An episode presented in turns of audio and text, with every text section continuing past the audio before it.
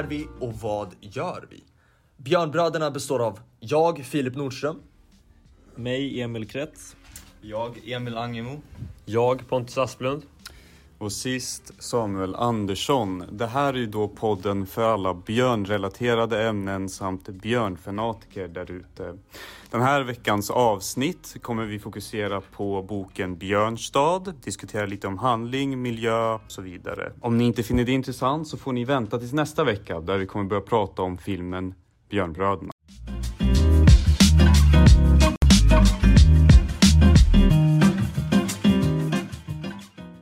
Vi har läst boken Björnstad. Men vad handlar den om egentligen? Översiktligt kan man väl säga att handlingen eh, är om en liten eh, stad i norra Sverige som är galna i hockey. Och i denna lilla stad sker då en våldtäkt av en ung kvinna som då begås av lagets stjärnspelare. Så överlag kan man väl säga då att eh, vi får se som läsare hur Björnstad, som den här staden då heter, reagerar till denna horribla händelse. En av de mest intressanta sakerna med handlingen i Björnstad enligt mig är ju hur boken kan utforska teman som identitet, lojalitet, mobbning och eh, en av de viktigaste är tystnadskultur på ett så bra sätt. Ja, jo verkligen. Vilket eh, verkligen får boken att utvecklas för mig. Den får den att gå ett djupare steg. För de gör det så komplext och dynamiken de visar i det lilla samhället blir väldigt bra. Ja Det blir exakt. genuint. Liksom. Ja verkligen, blir bra gjord. Eh, Karaktärerna i boken kämpar ju också med sina egna personliga problem, vilket man stöter på väldigt ofta genom hela historien. Eh, både små och stora utmaningar i hockeylaget, utanför hockeylaget, i skolan, på flera olika ställen i boken. Den visar ju också hur sporten och hockeylaget har den här centrala platsen i samhället som du pratade om tidigare Samuel. Och hur det kan påverka oss människor att eh, leva på olika sätt. Och särskilt det här med, med karaktärerna och hur det behöver eh, tackla med olika problem. Vi ser ju det till exempel med Amat som går från att eh, allt ifrån att behöva välja mellan att försöka köpa nya utrustning för, för hockeyn till att behöva bestämma om han ska informera och, och, och liksom upplysa andra om att han vet att Kevin då våldtog Maja. Och jag tycker också att eh, Backman beskriver det ganska bra med så här, Amats inre konflikt där med att han har liksom den positionen i laget som han mer eller mindre alltid drömt om. Han har blivit erbjudna pengar utav en mo- eh, muta. Liksom så att han står i det här inre dilemmat med så här, ska han berätta eller inte? Ja. Och till slut väljer han att göra det. Ja, alltså jag tycker det är så intressant för att den går igenom så många olika typer av problem. Vilket gör att man kan i alla fall alltid relatera till något av dem. Verkligen. Det går igenom, som ni sa, ekonomiska problem, sociala problem och inte bara sociala problem på personnivå utan även liksom för det hela samhället i stort. Ja, verkligen. Eh, Så... Det så, gör ju det väldigt mycket mer verklighetsbaserat. Eh, och det är väl det man känner. Det, det kontrastet som skapas då, eller snarare hur, eftersom handlingen blir så verklighetsbaserad, när våldtäkten sedan äger rum så man blir ju väldigt orolig för att sånt här händer i verkligheten. Det känns inte fiktivt trots att historiskt kanske kan vara det.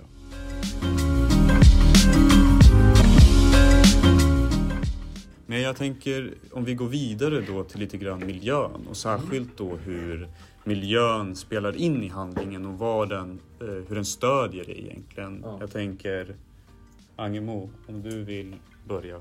Ja, men eh, jag tycker ändå att alltså, staden domineras av ishockeyn. Så att eh, den spelar en stor central roll i, i hela samhället. Liksom. Och jag tycker ändå att eh, miljön visar då på en stor gemenskap och sammanhållning i, i samhället. Men eh, genom handlingen så visar den ju också genom på mörkare sidor i Björnstad. Hur staden är drabbad av arbetslöshet och sociala problem och utvandring. Och hur många liksom kämpar för att bara överleva i en, deras ekonomiska situation. ja.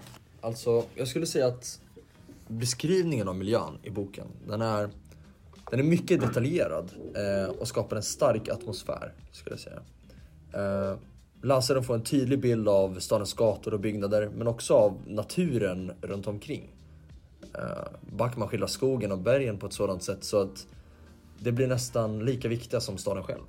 Och det ger läsaren en känsla av att naturen är närvarande och påverkar stadens invånare på olika sätt. Ja, jag håller med om det här med naturen. Jag tycker det beskrivs på ett väldigt bra sätt i boken som får den här isolerade känslan jag tror författaren vill förmedla. Ja. Att det är inte mycket annat än staden där. Det är staden och skog. Ja.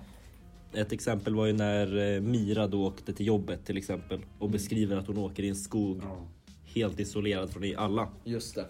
Och det tyckte jag var en av de här exemplen i boken som gav ett väldigt bra perspektiv på just miljön. Och det sättet som jag tycker att, eh, för vi har ju etablerat att, att miljön är väldigt detaljerad eh, och och extremt framgångsrik i att skapa en atmosfär som du då sa Filip.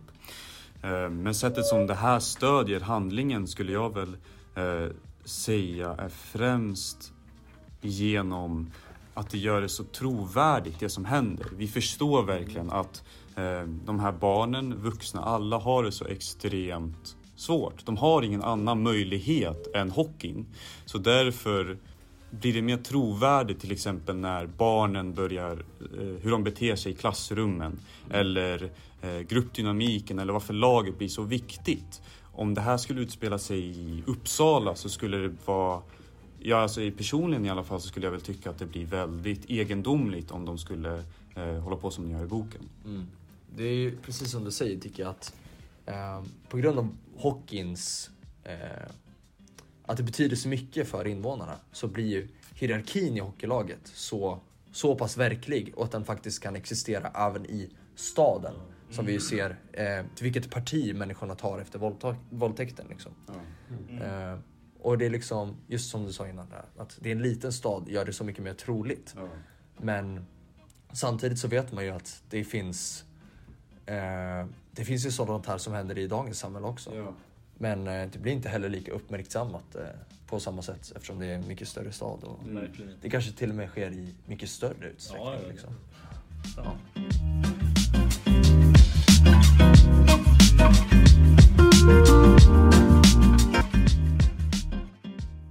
Karaktärerna. Någon favoritkaraktär eller? Ja, min eh, favoritkaraktär i boken skulle jag ändå säga är Amat. Jag tycker det är en av karaktärerna som får en väldigt stor personlighetsutveckling som jag tror Samuel du gick in på det lite tidigare. Hur han går från att behöva tänka efter innan han köper nya hockeysaker till att bli satt i en mycket svår situation det här med våldtäkten och om man ska berätta det eller inte. Går han för sin kompis, försöker han hjälpa Maja eller respekterar den här hockeyhierarkin som nämndes tidigare. Han har en väldigt stor utveckling och jag tycker att han gör bra val i slutet som får han att göra det bra som en karaktär.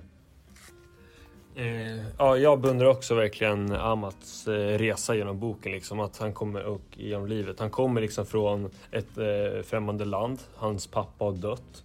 Han kommer upp till den här lilla staden och eh, hans mamma får jobba mm, hur mycket som helst för att man ska kunna leva. Liksom.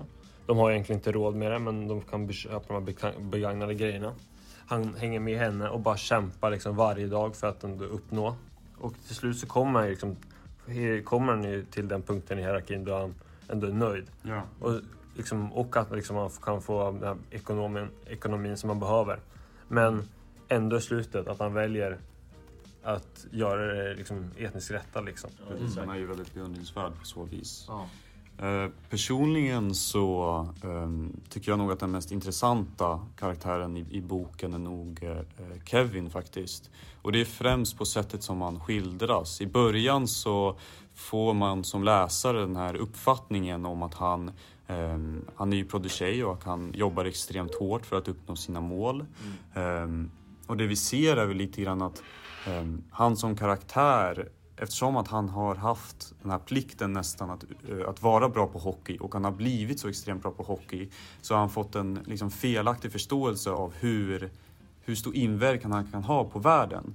Han går från den här atmosfären av hockey då, där han kan bli bättre och bli bäst till att då försöka interagera med, med andra människor som vi ser med Maja där han fullständigt inte förstår vart sin gräns går och han tror att han kan utöva makt på något som är omöjligt. Och det är ju en extremt läskig karaktär som kan finnas i verkligheten. Ja, för liksom, det påminner ju om det här med att han, är högst i hierarkin. Liksom, han känner inte direkt att någon riktigt är på hans nivå. Och då liksom kan jag, får ju han också känslan att jag kan göra vad jag vill.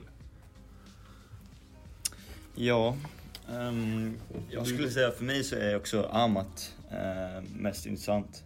Ehm, jag håller med som Krets och Pontus sa, men eh, för mig så beundrar jag också hans eh, hur han genom bara liksom hårt arbete lyckades eh, ta sig upp till den nivå han ville i hockeylaget.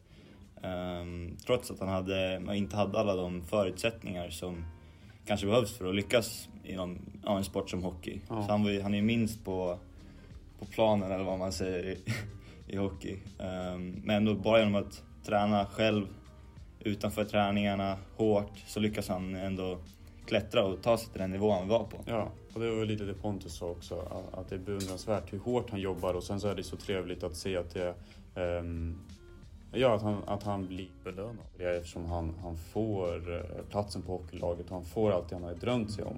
Mm. Eh, och sen så liksom att ta det steppet vidare och visa också att han som karaktär är villig att ge bort allting bara för att göra någonting som han ehm, är säker inte kommer ge någon form av pris. Han kommer inte få, han kommer inte bli omtyckt för det han planerar på att göra. Ehm, om något så får han ju extremt mycket. Han blir ju nedslagen, gatan och så vidare.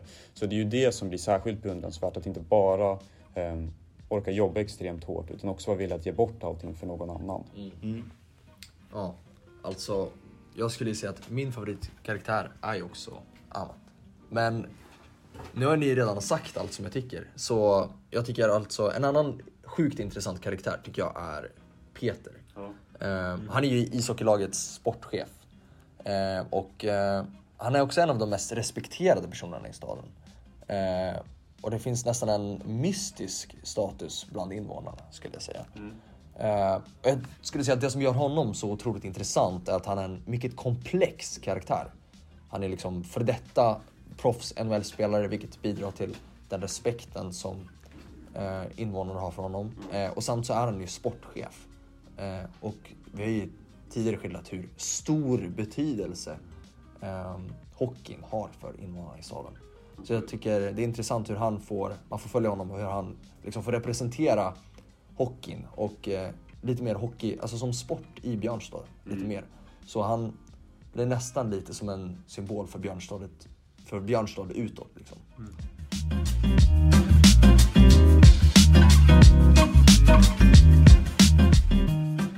mm, ja. Men eh, bra, det var ju en ganska bra översikt av några av de mest intressanta karaktärerna. Ja, men eh, berätta perspektivet då. ja, men det var ju ett... Eh, han berättade ju ett tredjepersonsberättande. Så att eh, berättaren är ingen egen karaktär i historien. Um, han är utanstående och bara rapporterar vad som händer. Han är allvetande. Ja, exakt. Sympatiskt också kan man säga. Ja, men eh, genom att använda det här berätta- berättarperspektivet så kan han ju liksom berätta vad flera karaktärer tänker och Ja. hur de känner samtidigt. Ehm, och då får man ju liksom som läsare en djupare inblick i hela samhället. Precis, och det som är så relevant tycker jag, eh, eller snarare hur berättarperspektivet stödjer handlingen är ju att eh, fokuset av, av, av handlingen är ju på staden.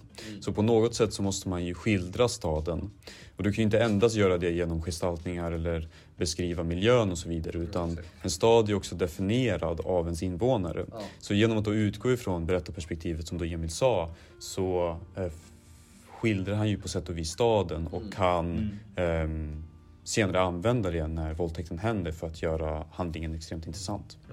Och det, nu så kommer jag lite i, i försprång här. Men vi kommer ju gå in på det senare om samhällskritik. Och just det om hur han skildrar staden så bra som du säger.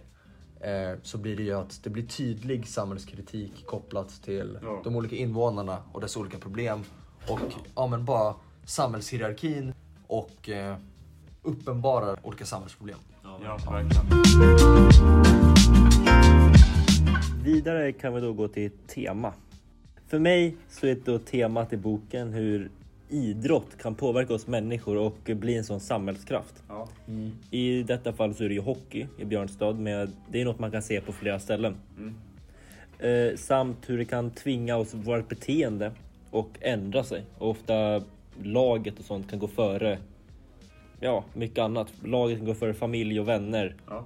För det skapar en viss kultur. Oh ja, Tystnadskultur tycker jag också är ett väldigt viktigt tema i den här boken. verkligen. Ja, och det håller jag särskilt med om. Att, att tystnadskulturen är någonting som eh, presenteras och det är ju det som jag eh, personligen tycker gör berättelsen på sätt och vis väldigt läskig. Alltså den är ju extremt eh, realistisk på sättet som den skildrar en tystnadskultur. Ehm, och du sa ju det tidigare Filip, lite grann om samhällskritiken och det är ju också ett jätterelevant ehm, tema i boken Ja. överlag. Och det kommer ju vi gå lite djupare på som en, en egen punkt i den här podcasten, precis. i det här Ja, avsnittet. Eftersom det är så nyanserat. Ja, precis. Och det är liksom, det är något av det viktigaste och som jag tycker att om det är något man ska ta med sig från boken så kan det vara den här samhällskritiken. Ja, och det är en annan sak. Ett annat tema är ju det här med utanförskapen och det här med jämställdhet. Liksom. Och att när hierarkin i staden är så stark som den är så blir det ju ofta, liksom, då blir det ju så att de som är utanför, de får ju liksom inte, har inte lika Nej, jämställt liksom de har som... inte samma möjlighet. Exakt, de saknar ju möjligheterna som, som, som de... det de säger med vart de bor. Exakt. Eh, Och det som han skil, där skiljer han, tycker jag han skiljer det tydligt i symbolik. I hur de som bor längre ner Ja, i dalen, de har det sämre. Och de som bor högre upp har det bättre.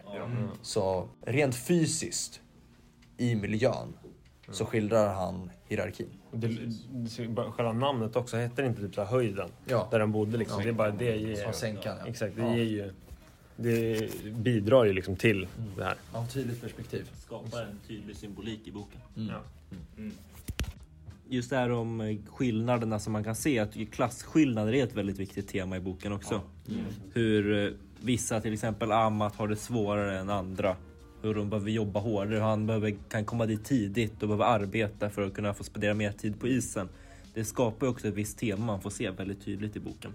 Ja, men samtidigt så tycker jag inte, ändå inte att den är liksom, eh, orealistisk på sättet den skildrar en teman. Det kan ju nästan bli be, bli att böcker följer sådant blint, men den presenterar ju ändå, som du sa då, Ama som jobbar extremt hårt. Men det är inte som att Kevin har fått allting. Utan visst, han har ju en basförmåga, men vi får ju ändå reda på hur mycket han jobbar för att vidareutveckla den. Ja. När jag läste boken så var det, alltså, jag märkte hur många teman som helst egentligen. Ja. Men eh, för mig främst så var det två som eh, ja, satt för mig. Det var, först var det samhörighet såklart med att staden liksom där hockeyn spelar en så central roll och eh, alla var liksom så starkt bundna till varandra Mm. genom sporten och staden. Eh, men också samtidigt hur eh, hockeyn kan förena staden men att det ändå finns en liksom, spänning mellan alla sociala grupper. Ja. Med de här hierarkierna och stereotyperna som jag sagt. Ehm, men jag tyckte också att identitet var ett annat tema. Ehm, och hur liksom allas, eh, ens bakgrund och eh, omständigheter liksom påverkar en. Och hur alla karaktärer liksom kämpar med att hitta sin, sin egna plats i samhället. Mm. Och att, eh, ja, alltså baserat på deras kön och bakgrund och yrke och allt vad det är. Ehm, Och jag tycker Ja. också att, ehm, lite som du sa där med samhörighet och så vidare, för visst finns det med i, eh, i, i handlingen ganska tydligt som du sa med sänkan och så vidare, men det, ehm, det finns också viss symbolik mellan Björnstad och Hed, vilket är någonting som jag tror många läsare kan förstå. Alltså vi alla kanske har, bor i en stad och känner en viss rivalitet med en annan stad eller ett annat land eller liknande. Och då att ehm, presentera det i boken gör ju så att vi får den känslan och kan sedan förknippa den även med ehm, stadens dynamik. Ja. Verkligen. Ja, för som du säger, eller som ni alla har sagt, så är ju olika grupperingar ett stort fokus. Och eh, ja, som ni säger, vi är i, i sitt dagliga liv så är man en del av otroligt många olika grupperingar. Ja. Vilket gör att, jag tycker det är, det är en sak som han skildrar bra, är hur han kan ta specifika händelser men det är generella händelser som gör att man kan relatera på ett bra sätt. Verkligen. Som likt det här med problemen, att han tar upp så många olika problem. Så att man kan åtminstone relatera till något.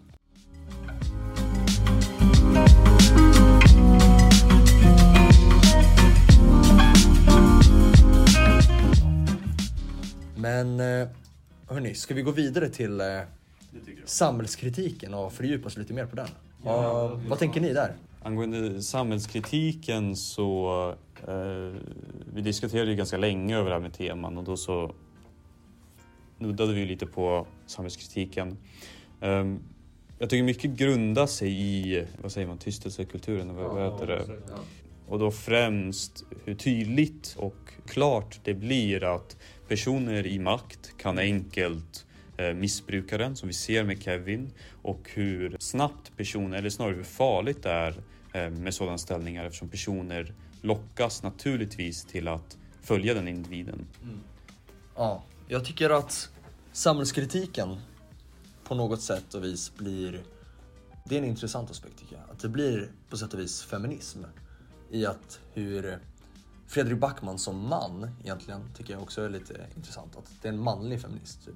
Hur han kan uppmärksamma problem som påverkar eh, tjejer som eh, genom att skildra och uppmärksamma flera starka och komplexa kvinnor som Maja, skicklig gitarrist och viktig stöttespelare i boken. Han skildrar dem väldigt väl. Mm. Ja.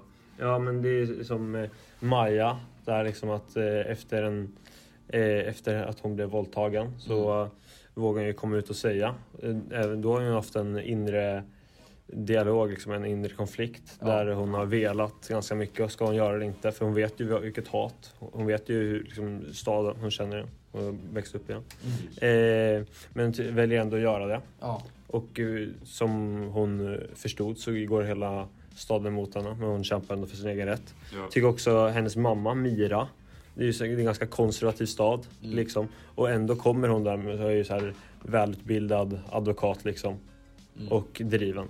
Det är, ju, det är ju väldigt många tillfällen i boken som det tydliggörs, som du då sa, hur konservativ staden är. Till exempel fest där hon får det här glaset från en man då de antar att den enda anledningen varför hon kan vara där är på grund av eh, att hon måste vara servitris. Så de värderar ju verkligen inte alls henne, eller snarare så, så förkastar de hennes trovärdighet fullständigt när de får reda på att hon är kvinna. Ja, så man kan ju översiktligt på det här med i relation till eh, kvinnor så kan man ju säga att boken skildrar ja, men olika kvinnor, eh, uppmärksamma kvinnor som kämpar med olika former av diskriminering och ojämlikhet. Och inklusive sexuella trakasserier och våld. Ja.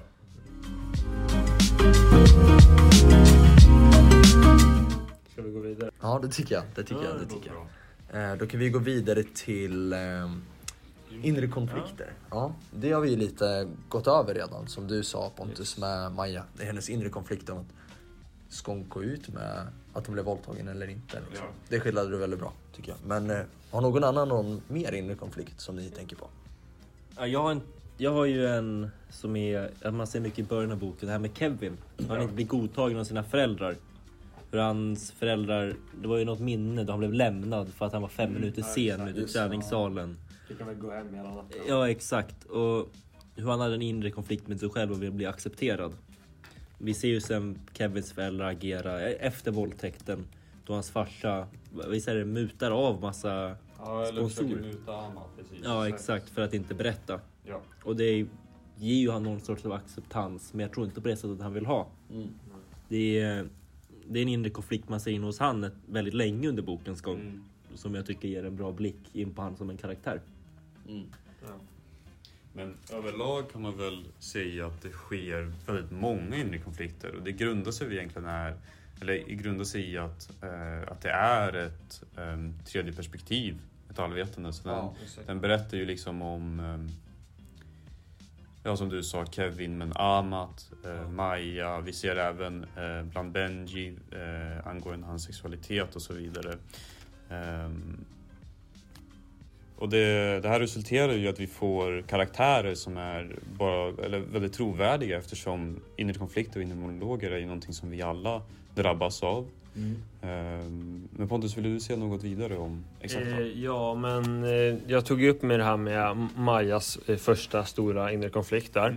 Men sen hade hon också en i slutet av boken där hon står med, om det var ett hagelgevär mot liksom, och riktar det mot Kevin liksom och mer eller mindre ja, vill avrätta honom. Mm. Och där har hon ju också en väldigt stor eh, inre konflikt, ett inre dilemma. Ja, precis. Det är ju eh, precis som du säger och det kanske är bland de viktigaste um, inre konflikterna på sätt och vis. Eller i alla fall den slutliga. Kanske hennes val att eh, informera ehm, samhället om det som hände skulle jag kanske personligen säga är det viktigaste. Men det är ju definitivt eh, ett av de mest intressanta. Att hon kan finna förlåtelse för det här horribla brottet. Inte bara det men också all eh, det negativa som har hänt med hennes familj ehm, och så vidare. Vi ser ju hur Peter nästan förlorar jobbet som konsekvens och att hon då på något vis kan välja att inte avrätta Kevin där gör ju hennes karaktär betydligt mer komplex och intressant.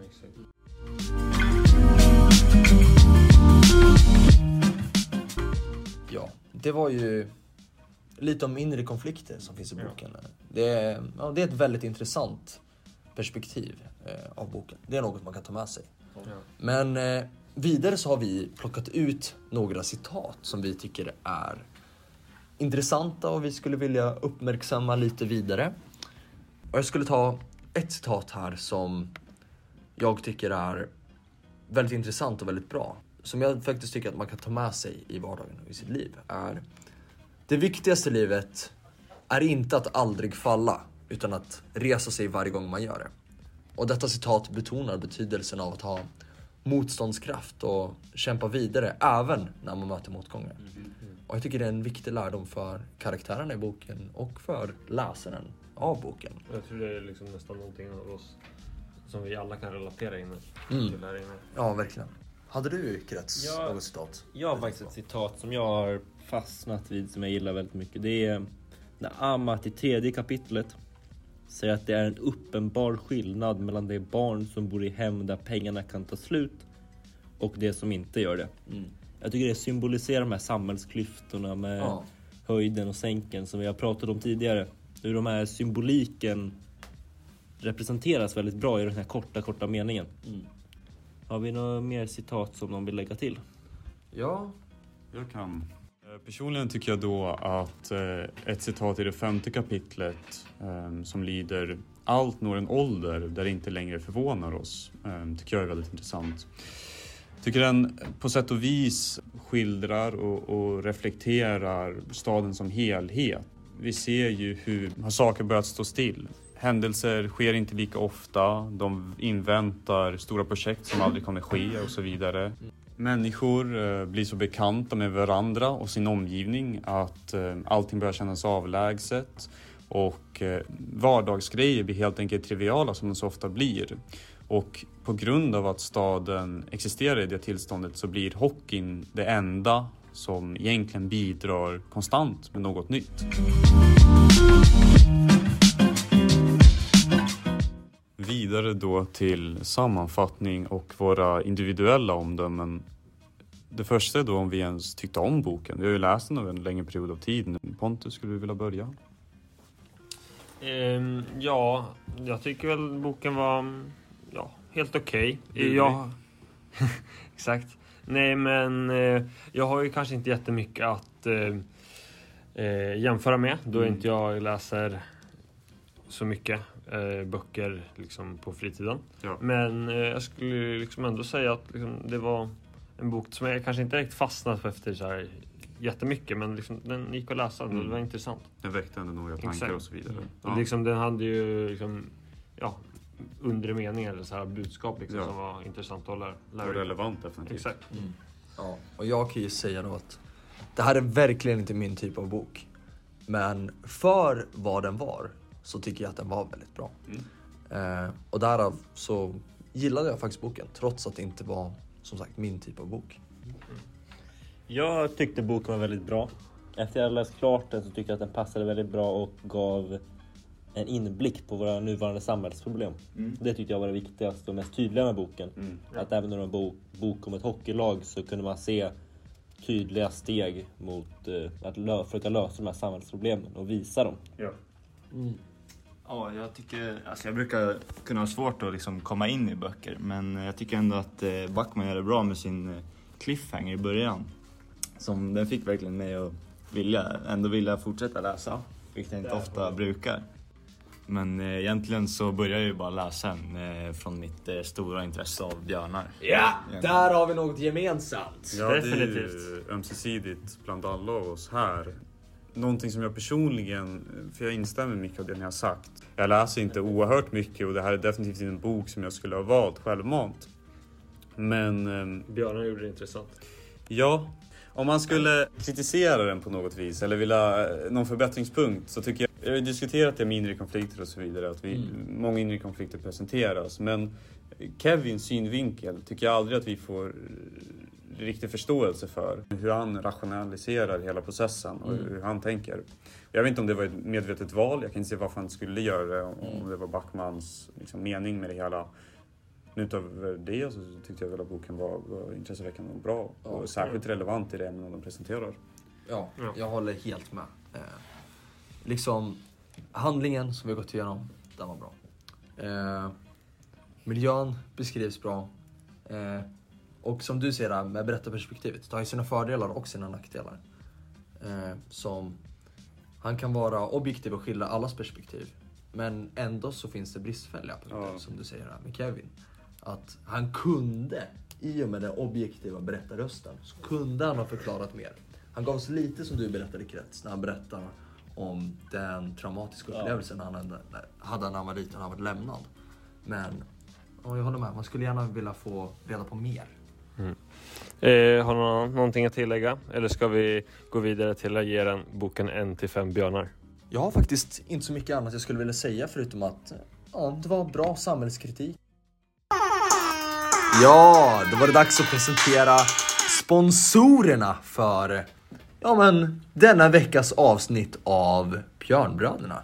Eh, då har vi Refroté UF som skapar återanvändningsbara sminkborttagningspads och förbrukade hotelltextiler. Mycket intressant företag. Köp nu genom att besöka företagets hemsida. Nästa sponsor är Din Produkt UF som säljer den produkt just du eftertraktat genom dropshipping. Besök nu genom att även besöka deras företags hemsida. Tack så mycket. Nu går vi vidare. 1 till 5 björnar. Krets, vad säger du? Klart trea. Det är en bra bok, tydliga problem. Men det finns bättre böcker. Ja, Väl sagt, men ja, tre björnar, det är ett bra betyg. Jag höjer nog faktiskt björnantalet till fyra björnar. Jag tycker eh, sättet som den presenterar samhällsproblemen är så, är så relevant och det borde vara nödvändigt för alla att lösa den tycker jag personligen. Eh, jag eh, ger den också fyra björnar om man tänker på sättet som liksom den presenterar samhällsproblemen. skulle faktiskt sänka eh, björnskalan till 2 av 5 björnar. Men jag kanske slänger in en björntass eller två, vem vet. Men eh, Två och en halv. ja, två och en halv kanske. Ja. Men stort tack för att ni har lyssnat på ja, denna veckas avsnitt av Björnbröderna. Det är ni som möjliggör de, de här avsnitten så ja. ni får verkligen ha en toppenbjörndag. Ha det bra.